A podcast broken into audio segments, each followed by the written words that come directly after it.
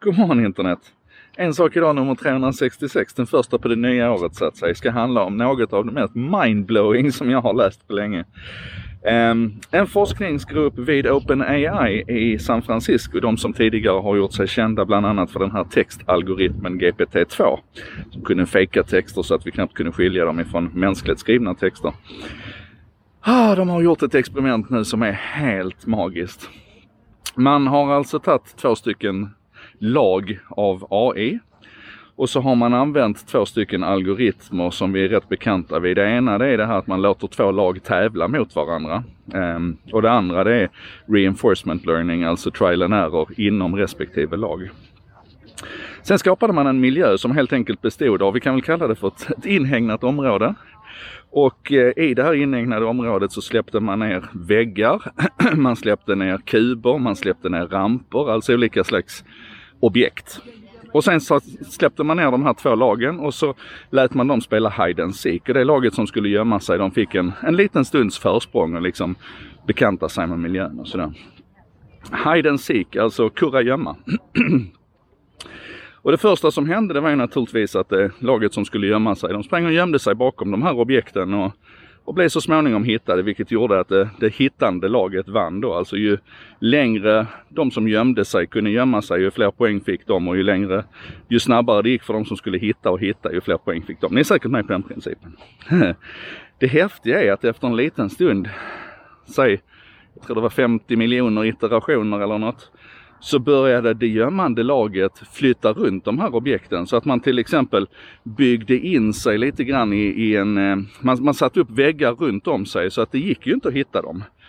Och 50 miljoner iterationer senare, nu höftar jag siffrorna här lite grann, 50 miljoner iterationer senare så hade sökarna kommit på att de kunde flytta fram ramper till de här väggarna och titta upp över väggen och då kunna se dem.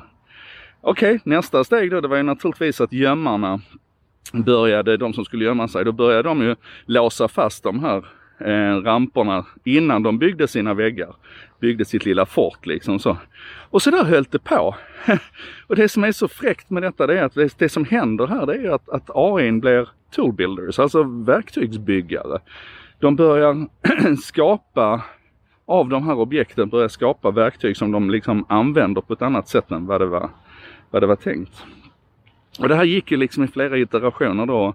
Någonstans runt en 500 miljonte, 500 miljonte iterationen så, så avbröt man liksom det här försöket och, och, och, kunde liksom analysera då att, att gömmarna hade faktiskt vunnit för att innan de byggde sitt fort så låste de fast alla de andra objekten, inte bara ramperna utan också de här kuberna som sökarna hade lärt sig att surfa på. Ja, det är helt fantastisk läsning alltså.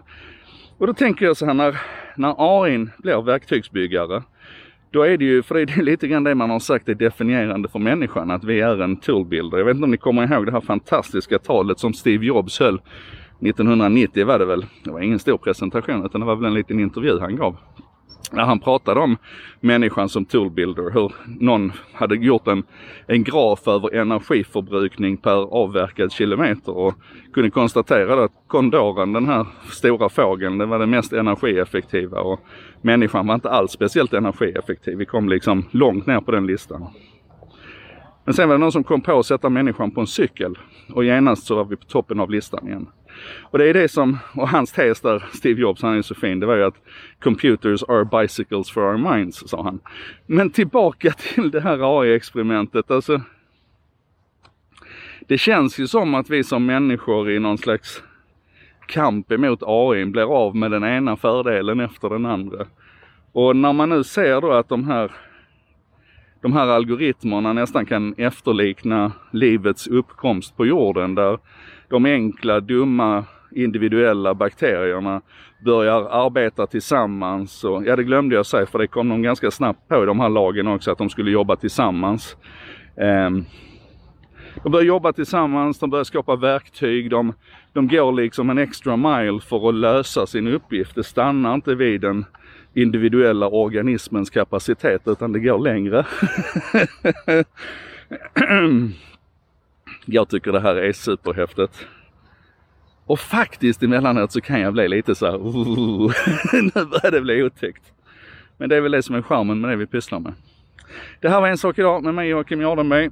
Um, idag handlade det om algoritmer, AI som bygger verktyg. Imorgon kommer det handla om något helt annat. Jag hoppas du hänger på. Stop recording.